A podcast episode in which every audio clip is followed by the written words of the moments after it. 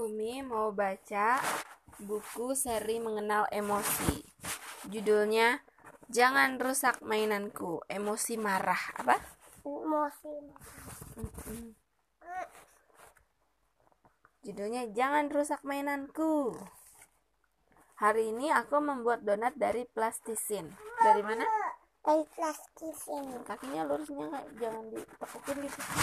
Nanti sakit. Hore, donatnya sudah jadi. Aku akan memberikannya kepada papa, mama, dan adik. Ah, mau diambil bukunya udah sampai ya. Bapak, mama, dan adik. Dia kakak-kakak. Yang rusak mainan.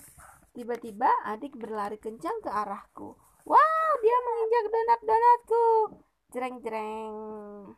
Aku merasa kesal sekali. Aku sudah membuat donat itu dengan susah payah. Lihat adiknya. Takut dimarahin dan muka adiknya. Aku berteriak dan mengadu ke mama. Adikku langsung ketakutan. Dia langsung nah, Balik ke ibu secepatnya. Dia nangis, dia takut. Mama memintaku untuk bicara pelan. Aku mulai mengatur nafas lalu bercerita kepada mama. Adik pun meminta maaf kepadaku. Bercerita kepada mama membuatku merasa lega. Aku pun bermain lagi. Dia bahagia lagi dia. Ku ambil puzzle dan mulai menyusunnya satu persatu. Kuletakkan satu keping di sini. Loh, kok masih belum pas ya? Dia main apa dia? Main puzzle. Setelah beberapa lama, aku masih belum bisa menyelesaikannya. Ini sulit sekali. Aku merasa kesal. Aku mulai merasa kesal.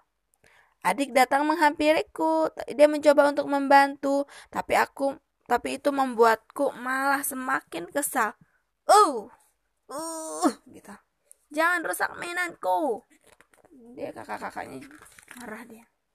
Adik dan mama terkejut mendengar teriakanku. Kayak ada api di atas kepalanya tengok. Oh.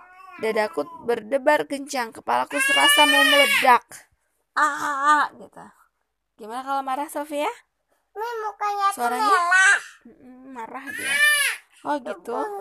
Maka itu kulitnya itu dibikin warna merah. Aku berkata dengan suara keras, aku benar-benar marah.